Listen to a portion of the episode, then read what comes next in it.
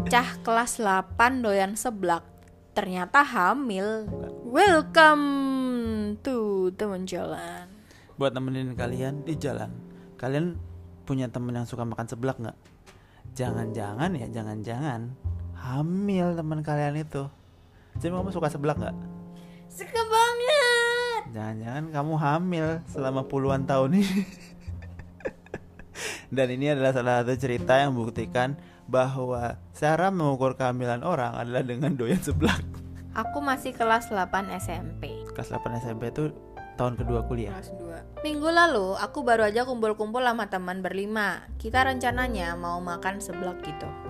Nah, ada satu teman yang pesan seblak level pedas banget.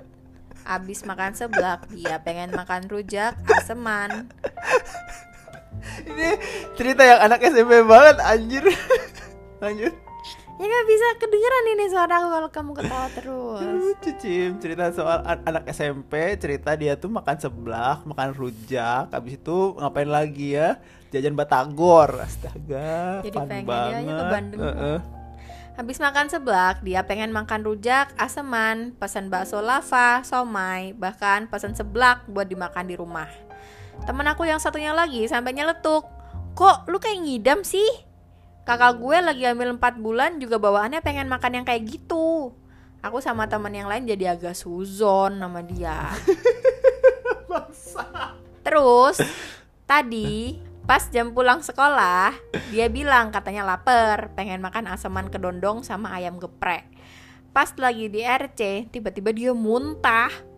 Auto heboh kan, kebetulan depan RC itu ada puskesmas. Begitu dicek, ternyata dia udah hamil tiga bulan. Ya Allah sedih banget. Tapi dia bilang dia nggak tahu siapa bapaknya. Udah heboh banget. Eh, emang udah ditinggal bapaknya dia atau bapaknya anak yang dikandung maksudnya Iya bapaknya bayeknya kagak tahu siapa yang ngambilin tuh siapa gitu. aku dengerin aku awalnya agak-agak kesel karena dia cerita kayak anak SMP tapi ternyata ini tragedi. Aku minta maaf sama ketawa aku yang tadi anak SMP banget Kalau yang sekarang minta maaf lagi nggak? enggak lucu emang yang nyeritain ini lucu banget si setan terus ini tuh cerita di fast fast juga cuy Iya, kakak kelas gue dulu pas SMP juga hamil, padahal sekolah kita favorit dan kompetitif banget. Pas udah kerja ketemu doi di luar provinsi udah kelar S2 dan jadi dokter. Anaknya dulu ternyata dilahirin dan masuk ke kakak ortunya jadi adiknya dia. aku kayaknya kita tahu deh ada orang yang kayak gitu juga Iya, Heeh. Dan sampai suaminya nggak tahu juga kan kayaknya. suaminya nggak tahu juga sampai sekarang Hmm, gokil Serem ya, hebat ya. Kok bisa ya? orang-orang bilang katanya rahasia tuh suatu saat bakal kebongkar. Aku nggak yakin sih, ya. ada rahasia-rahasia mungkin yang bakal bakal kesimpan sampai kiamat karena ada orang yang berani bawa itu sampai mati. Iya benar. Serem juga ya me- mengaburkan fakta bahwa itu tuh anaknya terus malah jadi adiknya kayak gitu. Di daerah aku ada yang hamil di luar nikah tapi nggak tahu siapa bapaknya. Terus dikumpulin tuh cowok-cowok yang pernah ngentiau sama dia. Diundi dah siapa yang bakal nikah sama dia. Yang kepilih yang nikah, yang nggak kepilih dimintain duit berapa juta gitu buat nikahannya. Nggak tahu deh sekarang gimana. Anjir, ini kepala desanya adalah orang yang paling solutif yang pernah aku tahu di Iya. dunia ini. yang harusnya jadi presiden gak sih sumpah solutif banget bayangin coba yang pernah berhubungan badan nggak pakai dihitung gitu misalnya ini kan kehamilannya berapa bulan nah Eh, lu pernah hubungan siapa badannya paling- kapan iya. dari bulan berapa bulan Atau berapa nanti kita tunggu gitu. lahir itu biar kita tes DNA misalnya Nah, kayak gitu. gitu. Tapi kayak. "Ah, Nggak boleh, lahir ah, nggak punya bisa." anak, nggak Iya, punya bapak nanti Iya, anaknya. benar-benar. Jadi diundi semuanya terus yang gak kepilih harus ngebayarin nikahannya kayak itu logikanya dari mana sih logikanya dari mana Aku bisa memecahkan semua masalah yang pernah ada di dunia ini karena aku jenius. Sumpah serem banget Hebat sih. ya. Hebat banget, hebat, Hebat, hebat. banget Aku kita punya teman nggak sih waktu kuliah hamil? Iya, punya adek angkatan kan Ada angkatan eh, ya biasa aja tuh ya sukses aja kuliahnya lulusnya lebih cepat daripada aku ya. yang kakak kelasnya dia lebih cepat lulusnya. Ya fine. Kalau misalnya hamil-hamil itu ya menurutku sih harusnya tidak menjadi akhir. Tapi karena banyaknya tuntutan sekolah, sekolah-sekolah itu bahkan ngeluarin anak-anak yang hamil. Kenapa ya itu Kenapa? ya parah banget Kayak ya. kamu hamil nih, iya. Berarti anak kamu harusnya uh, hidupnya bakal hancur juga karena kamu hancur kayak gitu kan. Harusnya kan malah disupport Kamu supaya hamil menyelesaikan nih. pendidikan. Kamu hamil nih. Berarti anakmu tidak berhak punya ibu yang berpendidikan Iya, kayak uh, gitu wah, kesannya. ngawur sih bodoh banget. Makanya kemarin zaman zaman online ini pada seneng yang hamil hamil itu kan nggak ketahuan. Mm-mm, iya bener juga ya. Lain kali mungkin aku pengen bikin sekolah online aja yang bisa dipakai seluruh orang di dunia biar kalau hamil nggak apa-apa. Nih, aku juga punya pengalaman persis gini. Waktu itu aku kelas 11 Teman sendiri beda kelas tapi nggak deket banget. Yang bikin shocknya cowok dia tuh kelas 12 yang besoknya tuh ujian nasional loh. Akhirnya terpaksa dua-duanya di DO dari sekolah dan Tuh. cuma punya ijazah SMP tuh. Terus cowoknya sekarang kerja di rumah makan jadi cucang da- jadi tukang cuci piring.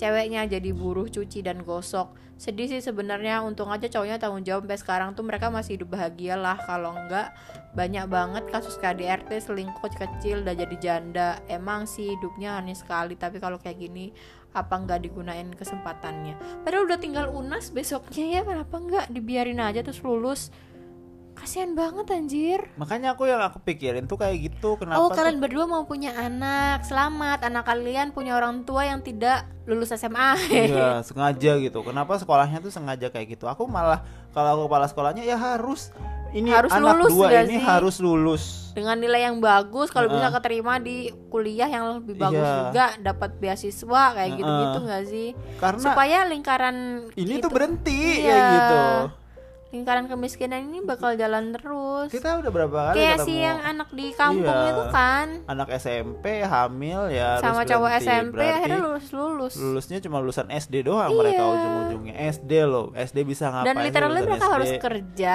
karena bukan dari orang kaya ya orang emang Iya. orang tuanya juga hamil anak ini waktu umur 16 15 Aduh, 16 capek. jadi neneknya ini neneknya si anak bayi ini umurnya 31 sekarang kita nih berdua umurnya 31 anak aja kagak kucing dua. Iya. Dia nih, orang orang di luar sana tuh umur 31 udah jadi nenek udah jadi kakek. Nih. jadi ini bakal terus ada. Tetangga deket rumahnya teman gue tuh waktu SD masih kelas 6 itu ada yang hamil. Pas ketahuan ditanyalah sama orang tuanya. Katanya cowoknya yang ngamilin dan itu tetangganya sendiri cowoknya itu anak SMP katanya diajak main tidur tiduran gitu pas di rumah si cowok waktu lagi nggak ada orang. Nggak habis pikir sih gue sampai melongo banget karena gue waktu itu masih kelas 4 SD mungkin anak cewek yang diceritain teman gue tuh kelahiran tahun 2000-an sekarang udah 20-an ya? Gila kelas 6 SD udah melahirkan. Anjir serem banget ya Udahlah kayaknya kita sudahi saja ini serem banget lanjut Oh lanjut Ada? Aduh, nggak adil ya aslinya. Itu kan cuma terjadi di daerah-daerah yang emang marginal orang-orang miskin kan. Iya Bukan kayak di perumahan elit-elit gitu. Terus jadi anak-anak raja gitu kan enggak. Jadi yang salah itu ya pendidikan-pendidikannya itu. Jadi ingat bapak gua ngoperasi anak kelas 8 Operasi sesar Pas pulang-pulang Muka jadi sedih terus ngomong Kalian anak-anak bapak Tolong jaga kehormatan kalian ya Sama orang tua kalian ya. Jangan sampai menyerahkan hal berharga kalian ke laki-laki sebelum akad nikah. Ah elah apaan sih lu bapak? Har- harusnya tuh ngajarin kalian itu harus hati-hati ya harus pakai pengaman kalau kayak gitu supaya nggak kejadian ya gitu kan kalau pengen ngelakuin. Kalau enggak kalau belum siap ya nggak usah gitu kan. Abstinence itu terbukti banyak gagalnya dan anak yang lahir yang aku tadi cerita yang umur 15 atau apa itu lahir di golongan anak-anak yang jarang-jarang jalan-jalan ke masjid gitu dan dekat dengan masjid hidupnya. Dan ini tetap kejadian. Dan di anak-anak pesantren itu nggak menutup kemungkinan bakal kejadian juga. Dan ah, larangan agama tuh udah ada dari zaman dulu ya. Mhm. Temenku SMP ada nih. Eh Pas kelas 8 terakhir lihat dia. Terus pas aku kelas 9 Ada nih simpang siur Dia udah keluar dari sekolah. Dan ternyata dia lagi hamil anaknya. Dan itu kabarnya sampai ke telinga tetanggaku Yang temannya tuh masih satu desa sama teman SMP ku Itu kaget dong. Gila nih panjang banget sih. Oke. Kok lama nggak lihat? Eh pas Nih gue tahu dia dong Malah satu SMA sama gue Udah lahiran Terus nggak ada yang tanggung jawab kayaknya. Tapi tuh heranku Di SMA dia sering diantar cowok pulang anjir. Kayak gimana ya kok gue risih gitu Apa nggak malu sama tetangga tiap hari pulang cowok beda-beda, mana ada punya anak. Ini mah lu aja ngurusin hidup orang banget sih. Paling dia kesel kayak dia cewek baik tapi nggak bisa dapet punya cowok. cowok. Sedangkan ini cewek yang udah punya anak gitu tapi masih bisa dapet cowok terus-terusan tiap hari kayak gitu. kali. Aku dulu sebel sih waktu SMP tuh sering ada isu kalau ada beberapa cewek tuh ya yang tanda kutip bispak kayak gitu loh. Hmm. Dan aku tuh denger itu setiap hari kayak itu tuh Ner, itu tuh suka sama om-om, ini suka sama om-om kayak gitu-gitu kan. Aku SMP anjir. kayak Serem banget. kayak kenapa ada info-info kagak jelas kayak gini dan kemungkinan itu cuman isu-isu doang yang disebarin anak-anak cowok Iya, karena cewek itu seksi juga kayak pernah gitu. waktu SMA ada info kayak salah satu cewek itu ketahuan jalan sama om-om gitu di mall, Heeh. tapi pas disapa dia nggak mau noleh. Heeh. Kayak gitu karena malu ketahuan jalan sama om-om kayak gitu-gitu. Padahal bisa jadi budek ya. Dan itu bisa jadi bapaknya atau omnya beneran. Atau bisa jadi dia malu punya teman-teman kayak gitu makanya nggak mau noleh. Bisa jadi sih, malu lah sama orang-orang judgmental kayak gitu. Tanteku profesinya MUA Minggu lalu dapat klien Yang cewek udah lulus SMA Tapi yang cowok masih kelas 11 Nikah because have sex dan udah hamil. Dan dia udah hamil 5 bulan waktu nikah itu. Yang paling sedih tuh ibunya pihak cowok yang selama di make upin Nangis terus. Sedih gitu kali ya Anaknya udah nikah, udah jadi bapak abis ini Tapi masih sekolah. I mean nikah yang sama sekali bukan diharapkan. Tapi ya gimana harus tanggung jawab ya kan? Nah, ini ngeselin banget. Giliran udah 30, 35 gitu nggak punya anak tuh kayak kapan kamu punya anak nah? Giliran kalau kelas 11 gitu masih sebel. Bingung aku sama orang tua eh, banyak maunya. kelas 8 tuh emang masa-masa kelam banget sih di circle gue untung nggak ada yang bodoh Oh, walaupun sebenarnya dipikirin sekarang bodoh banget sih goblok kita umur segitu udah bandel banget tapi nggak tahu deh mau bersyukur apa enggak karena nggak ada yang fatal banget sampai sekarang Emang bukannya kelas 8 juga parah ya, Cim? apa? Teman-temanmu. iya sih itu parah-parah banget sih. Padahal sekolahmu sekolah terbagus ya di Surabaya ya. Kasus bocah SMP hamil tuh udah dari dulu. Teman kecilku pun ada yang kelas 8 udah hamil kegerebek pas lagi tanam benih. Putus sekolah deh terus kabur buat kawin lari. Dan temenku itu dia kelahiran 99 Iya emang dari zaman dulu juga ada kayak gini. Misal pas zaman ortu Aku sendiri baca dan ngeliat kayak gini di zaman sekarang jujur bikin heran aja sih Bocah SMP tuh ngapain aja gitu loh Bisa-bisanya sampai hamil Mending jajan cilok. Ya itu kan abis jajan cilo Iya kan tadi dia dibilang ya. Kesel banget gak sih? Lagi jajan, jajan asem-asem kesemek kayak gitu Terus tiba-tiba Wah lu jajan hamil, kakak gue yang hamil juga ngidam yang sama. Eh bener anjir jenius ya. Sherlock Holmes kalah anjir dia bisa deduksi kayak gitu ada yang bilang kalau kasusnya gini mending digugurin aja nggak sih? Kalau dilahirin kalau dilahirin yang kena anaknya bayinya masa depannya. Kalau digugurin meskipun kena rahimnya setidaknya kan masa depannya masih nggak apa-apa. Masih baru tiga bulan coy nggak disaranin. Tapi menurutku ini saran yang paling tepat gitu. Tiga bulan tuh udah kepanjangan gak sih Jim? Tuh ada yang bilang nggak baik. Teman kakakku dulu juga gugurin. Sampai sekarang dia jadi nggak bisa hamil lagi Ya gak apa-apa kan, gak bisa hamil lagi kan bukan dosa sih hati-hati kena pasal pembunuhan kak Iya itu benernya kan Yang gak boleh itu aslinya adalah menggugurkan Indonesia itu kan gak boleh Kecuali beli obatnya di Shopee ada testinya ya Bleh. Gambar gambar alien. Kalau kisah nyata, oke, kamu kelas 8 ngapain? Aku kelas 8 Ya. Aku kelas 8 studi ke Bandung Yang ada urusannya sama cewek cowok. Oh, aku punya teman sekelas namanya Rikam apa ya? Bukan apa? Lupa aku namanya. Dia tuh Arif, Arvin, Irfan. Dia tuh nggak naik kelas. Jadi dia tuh harusnya udah kelas 3 SMP.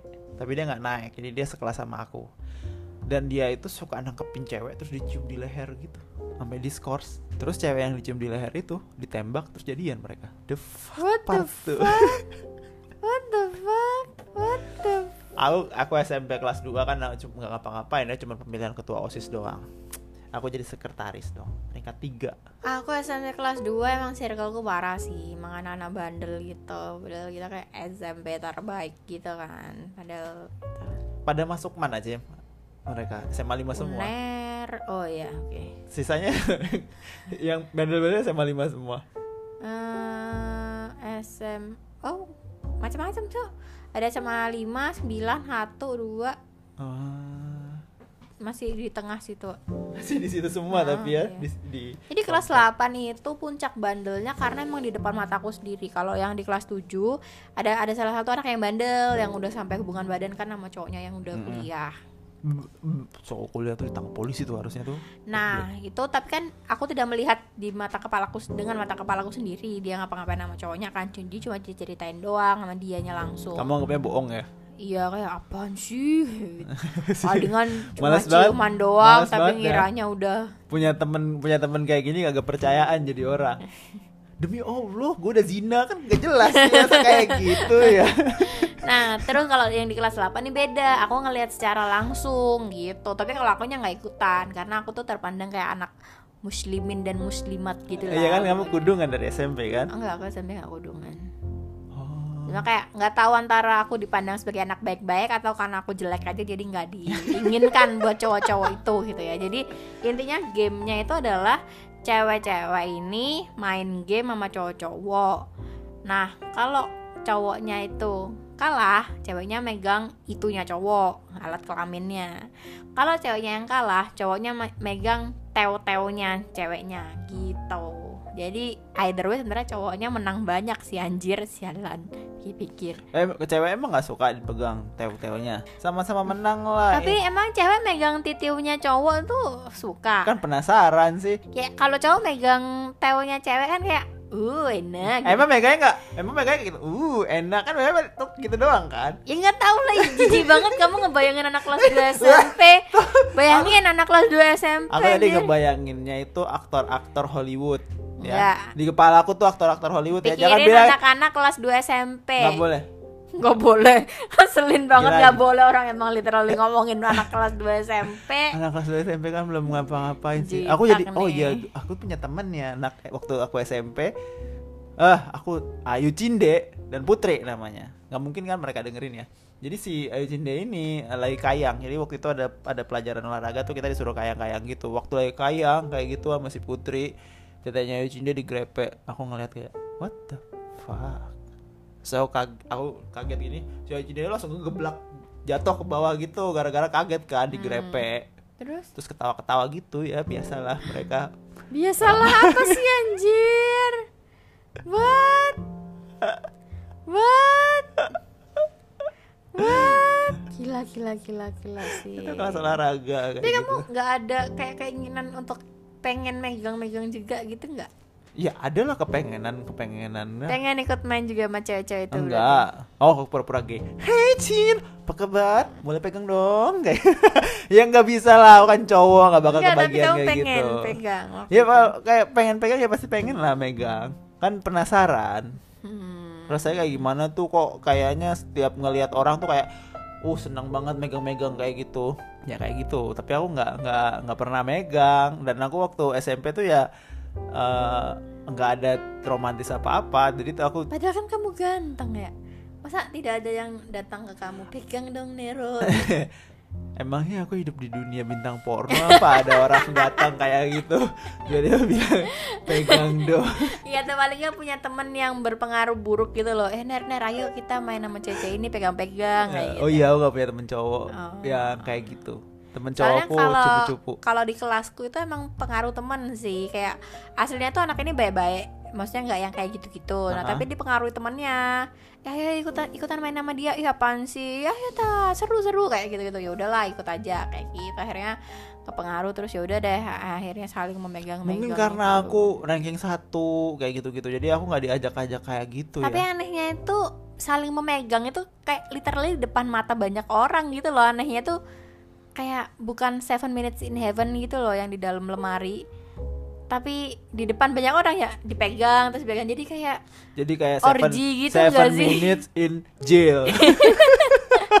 Jadi aku mikirnya juga aneh ya berarti serem banget ya sekolahmu. Iya. tapi emang mungkin kan anak-anak pintar itu lebih penasaran mungkin Iya daripada sih, ya. anak-anak kayak sekolahku gitu. Hmm, kan sekolahku bukan anak-anak pintar isinya. Jadinya mungkin tingkat penasarannya lebih rendah sama kayak gitu iya yang sih emang kepikiran capeknya sekolahku tuh tawuran. Jadi teman-temanku tuh masih tawuran. Yang temanku yang ngenek kelas itu itu aku ngelihat dia tawuran di depan mataku sendiri di depan mata kepalaku waktu di depan rumahku gitu. Tawuran di depan rumahku. Tahu ngeliat nih dia, ngapain tuh anak kagak naik kelas tawuran tawuran gitu kan. Terus tiba-tiba diserbu warga temanku kabur. Tapi dia masih sekolah di situ. masih. Aku juga punya temen gak naik kelas lagi waktu itu. Ada ada dua temanku yang gak naik kelas. Gak banyak banget sumpah SMP ku SMP SMP nggak mungkin ada kan orang gak naik kelas. Kalau nggak naik kelas udah pasti bakal dikeluarin sih. Maksudnya disuruh transfer ke tempat lain. Jangan di transfer ke tempat lainnya naik kan. Kayak gitu kan di mana mana kalau orang-orang juga masuk ke SMA aku kayak gitu. Ya itu sih bandel-bandelnya anak SMA aku tuh ya kayak gitu. Hmm. Paling pacar-pacaran terus cium-ciuman Ini gitu. kok jadi ngomongin SMA sih? SMP Iya SMP. pacar cium-ciuman Kalau di SMA SMP mu- cium-ciuman serem juga. SMP ada yang cium-ciuman cium ya laki banyak dong. ya SMP cium-ciuman Aku banyak. SMP ku waktu itu aku diajak ayo Ner kita latihan dance di tempatku ada cewek bilang kayak gitu ayo ayo gitu kan karena wajib kan atau latihan drama gitu aku lupa pokoknya nggak penting nah aku datang ke situ terus ada teman bukan teman kelompokku tapi pacarnya salah satu anggota kelompokku. Terus bilangin ya Ner udah datang nggak bisa lagi deh kita. Iya nggak bisa lagi. Terus aku nanya ke temanku yang Hmm. cewek. Tapi bukan yang barusan itu ya. Hmm. tanya emang mereka tadi habis ngapain? Hmm. gitu. Jadi tuh mereka tuh lama banget ciuman padahal ada gua di sini. Kasian banget sih. Ada kamu langsung nggak bisa? Eh, tahu kamu mungkin bakal ngapain? mungkin dipikirnya aku cepu karena aku kan anak rankingan gitu loh cim Oh, Heeh. takutnya diaduin gitu. diaduin soalnya anak aku sering ngaduin anak-anak rokok soal ini pak pak cium pak ini pak masa aku bilang kayak gitu kan terus dideketin sama guru iya bener bawa rokok dihukum Astaga, kagak ada bukti sih. dia ngerokok kagak ada apa bisa jadi dia Jadi dia habis ciuman sama bapaknya yang habis ngerokok ya kan? Gak ada yang tahu atau ibunya. mungkin dia iya pak saya ngerokok pak daripada dia ketahuan cuma sama bapaknya yang Iya. ngerokok Astaga. SMA SMP ku ngerokok semua anak-anak cowoknya SMP ku justru nggak gitu sih. Kalau SMA iya, rokok dan miras. Dan free sex. SMA aku juga ngerokok dan miras Dan free, free sex. sex Ya, ada yang free sex tapi eh, waktu balik. Dan aku kayaknya tertutup banget jadinya aku nggak tahu kalau ada ada apa yang kayak terjadi di SMA aku itu aku nggak tahu. Tiba-tiba pas udah lulus oh ternyata dia gay. Oke gitu. Aku nggak tahu sama sekali aku kira ya dia biasa aja. Dan beneran stereotypical gay yang ada di film-film atau apa ternyata beda sama dunia nyata jauh. Iya, nggak kelihatan kan? Nggak kelihatan. Ya kelihatan kayak cowok biasa aja gitu kan aku masih agak penasaran sih tapi sebenarnya sama gayness itu. Kayak gimana sih rasanya buat dimasukin dari belakang atau memasukkan lewat belakang? Cuma itu doang sih yang aku pikirin. Kayak kalau naksir sesama cowok atau apa aku ngerti oke bisa kayak gitu kan. Hmm, hmm, hmm. tapi momen kamu memutuskan atau menerima atau ngerasa bahkan malah tertarik sama main lewat belakang itu doang sih aku masih penasaran dan belum ada yang bisa reach out jadi kalau kalian ada yang gay mungkin dan bisa main belakang kita sangat open minded tenang aja cuma penasaran aja open minded buat apa sih ngobrol nanya gitu. buat nggak judgement kalau misalnya diceritain itu tenang aja Aku bukan kira yang, open lu minded." bakal dibakar di neraka bukan yang oh, kayak aku gitu kira maksudnya. open minded kayak gitu tiba-tiba ya kita siap kok untuk dimasukin dari belakang. Nggak nggak kayak gitu Cim. Mau. Kamu banting let to another banget anjir. Kalau kayak gitu kan harus ada prosesnya dulu. Aku aja belum memahami itu tuh kayak apa kenapa terus momennya di mana kamu ngerasa itu oke atau bahkan pleasurable atau apa gitu. Tahu-tahu udah kayak kita open for that aja. Makanya kamu bilang untuk masukin dari belakang tuh kita open minded iya open minded maksudnya nggak judgement nggak yang menilai itu tuh salah atau benar atau gimana gitu loh.